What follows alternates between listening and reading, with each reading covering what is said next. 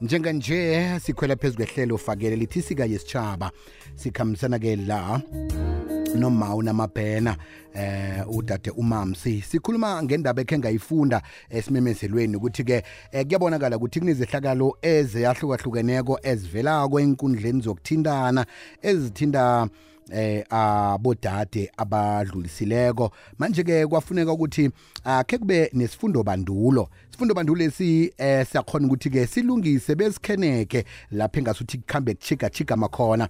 Eh sikhuluma ke nje la nomuntu siphambili eh, wehlangano ihlanganani bomma eh, eh ngudade la umamsiwa kwamasimula uma unamabhena sicoca ke ngesika yisitshaba ukuthi ke isifundo bandulesi sokuthi ke ke kulungiswe lapha engasuthi kuchika chika mekhona eh siba nini kuphi bobani abamenywako ukuthi ke beze bazokuhlanganyela bakwazi ukuthi ke eh kubuyiswe endleleni labo esele ngasuthi bayakhamba bayalahleka.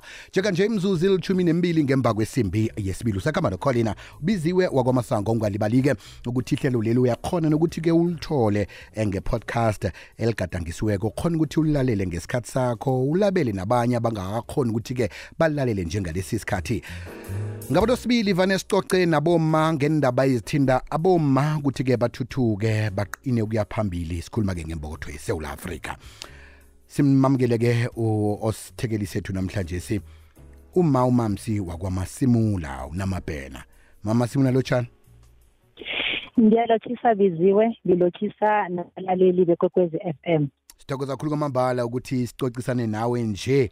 Namhlanje sungasitshela-ke ngehlangano eh lesicoca ngayo ihlangano ihlanganani boma 22 eh ngiyathokoza biziwe ngingumamsi mabhena eh uma umama Semula osihlalo uchairperson wehlangano ihlanganane bomama 22 nekuyihlangano eqale khulu indaba zekhethu zamasiko khulukhulu ehlangothini labomma Mhm. Yathonywa nini? Ngibona u22 lo mhlambe yathonywa ngomnyaka ka2022 khani.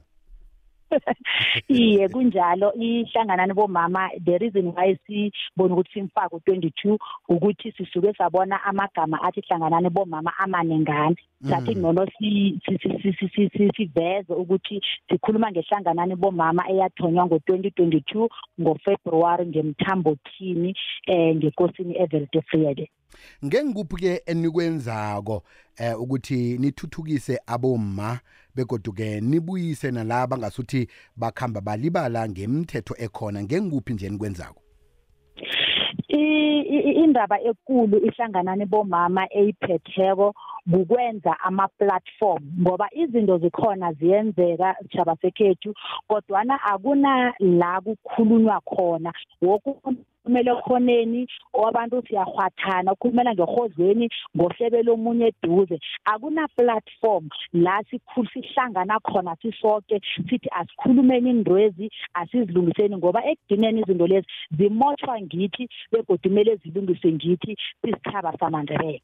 So ihlanganani bomama into eyenzako ukuthi i-create i-platform ukuthi abantu bahlangane. Njenganamhlanje i-platform esi esi esi i-create le uzangihalebha biziwe i-platform esiyenzako namhlanje i-platform yabantazana bamandrebele abadlulisileko ukuthi akhe sithome ngabantwana bethu aba sibomma sihlangene sikhulume ngenkinga ezikhona ezibonwa nabo baba ezibonwa nazizizwe ezinye ekugcineni zihlambalaza isiko lethu labomma lamandrebele qala msima inkoro eh za zamandebele ziningi zihlukahlukene. Manje ke nibinge ukuthi nizibuthelele zonke inkoro ngoba nalabo bazakutshela ukuthi thina isiko lethu silikhambisa nganasi indlela thina isiko lethu silikhambisa nganasi indlela thina sivunula nganasi indlela.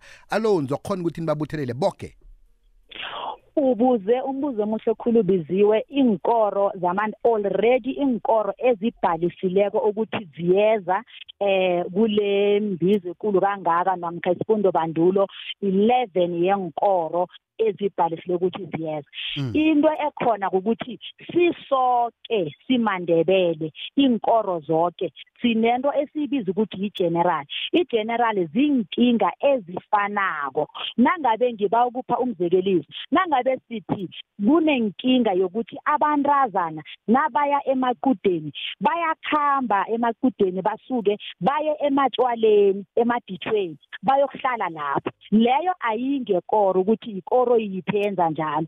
Yinkinga esibambe sonke singundrebele esikweni lonke eh eh, eh, lethu lequde. Ku- ku- kune kunenkinga ezigeneral ukuhatheka eh biziwe nabalaleli kwesiko lequde enkundleni zokuthintana khulukhulu iFacebook ukuthi ngibone nje na ku TikTok sekukhulunywa ngendaba zequde. Akusinto yokuthi ikoro enje eyenza njalo. Umuntu omunye nomunye nodozizwako umani nje ufaka into yequde eFacebookini namkha enkundleni zokuthintana. Kungakho ke sibize inkoro zonke ngoba sizokhuluma ngezinto ezisibambe sonke ingasi izinto ezibambe ikoro eyi1 ngiyabona nje isifundo bandulo lesi sabe sibanjiwe lapha ke Sheldon Lodge. Isifundo bandulo sizabe sibanjwe eSheldon Lodge.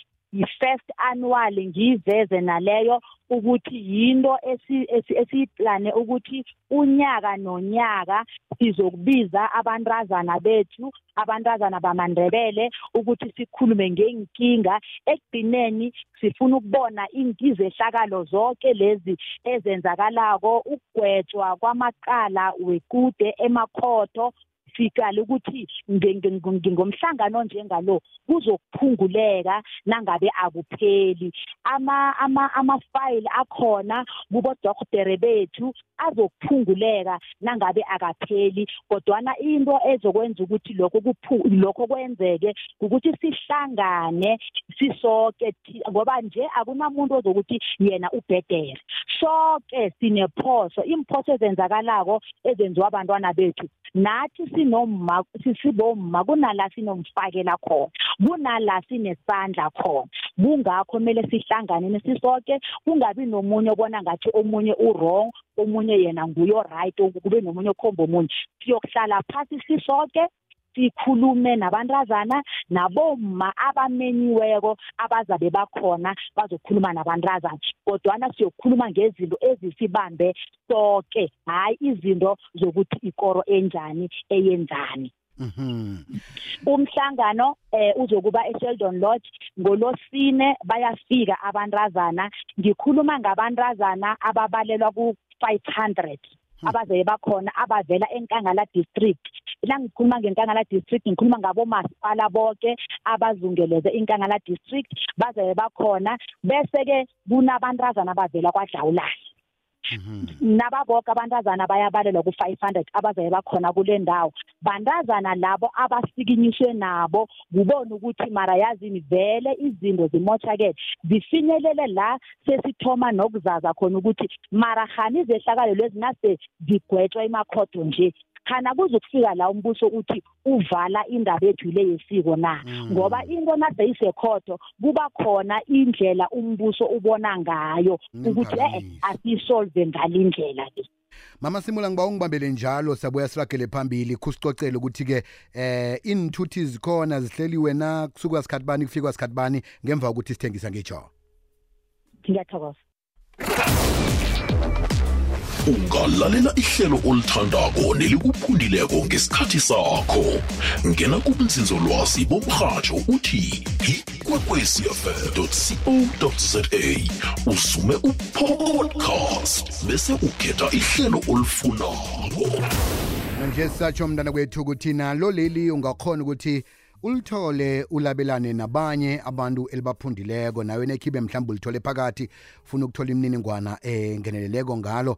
Uyakhona ukuthi uchinge lapha ku-www ikwekwezfm co za eh utlole lapha isika yesitshaba lapho elizakuvela khona. Namhlanje sike kuleli hlelo fake lethi isika yesitshaba sikhambisana noma umama simula umamsi unamabhena. Eh udosa phambili-ke ihlangano yehlangana niboma 22 sikhuluma la ngesifundo bandulo eziza kubanjwa kuthoma ngen-6 bekube zing-8 lapha-ke e-sheldon lodge eh abodade abadlulisileko ngibo abamenywako la.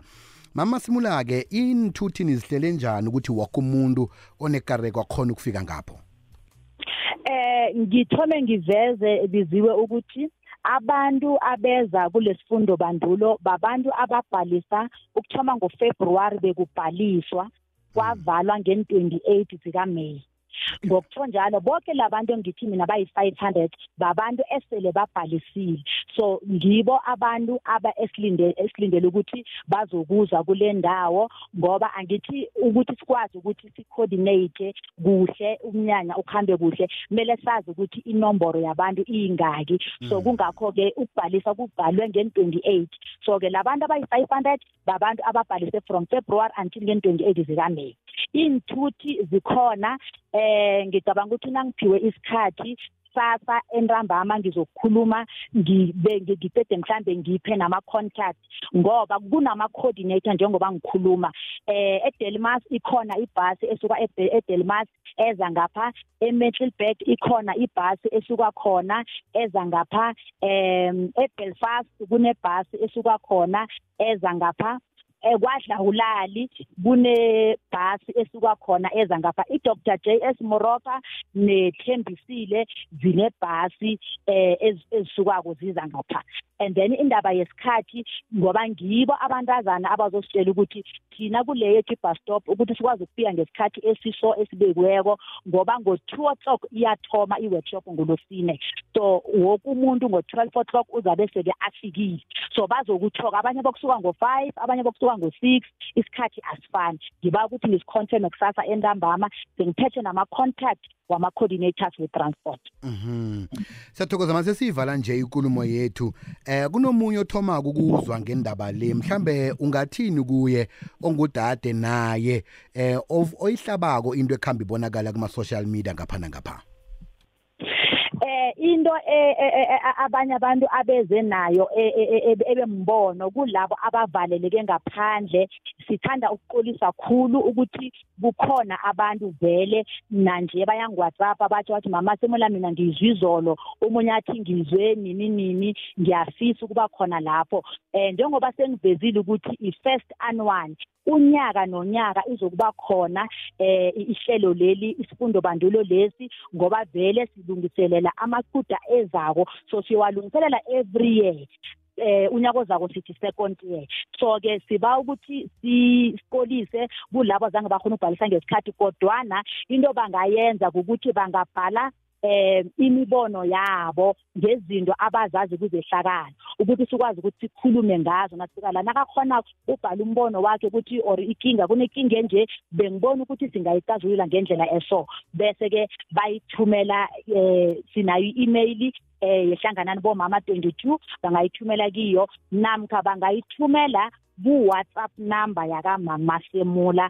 Abaningi abantazana bayayazi njengoba bakhona abaningi ekhe bangidosela akasazi ke eh mhlambe lo ongayaziko uma uchapulwe kangangani ukuthi abanikele inomboro ye WhatsApp namtjani email address lapha bangathumela khona imbono sesithoke nabo somahwebo ngoba na sikhona sibanengi siyasithanda isikhethu. Singathanda nje ukuthi sisekele lapha nalapha singakhona ukuthi sisekele ngakho ukuthi eh isifundo bandululo sibe impumelelo khona nangomnyaka ozako siza kuba ngendlela efaneleko. Abo abosomahwebo abangathanda bafaka isandla. Banithola nje alright bengiba ukuthi nginikele inomboro ethi ngoba kuzokuya ngokuthi umuntu ufuna ukuthumela i-email or ufuna ukuthumela i-WhatsApp. Mara ngiba ukuthi nginikele inomboro abazoyidosela. I-071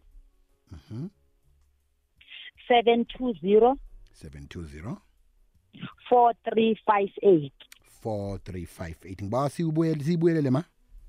071 071 720 720 4358 4358 sithokoza ye kakhulu inomboro leyo azokuthi nakayidoselako angitshele athi mina ngiphethe into engayithumela nge-whatsapp or akhulume noma yini ayithumela. Kodwana singajabulela kakhulu ukuthi isitshaba sekhethu samandebele nabanemibono imifakela or ama-recommendation bawa babasithumele yona sikwazi ukuthi sikhulume ngento vele evela esithabeni ngaphandle kwesitshaba lesi ezabe sila esheldon.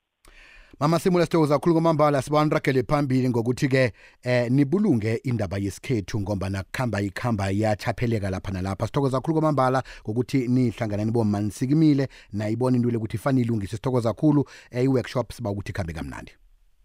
Siyathokoza biziwe ngithokoza nabavezi bekokwezi f m. Sithokoze nesitshabeni sakhe. Sithokoze khulu ngomambala ebesikhulumisana naye ngumma eh, umamsi masemula uma unamabhena.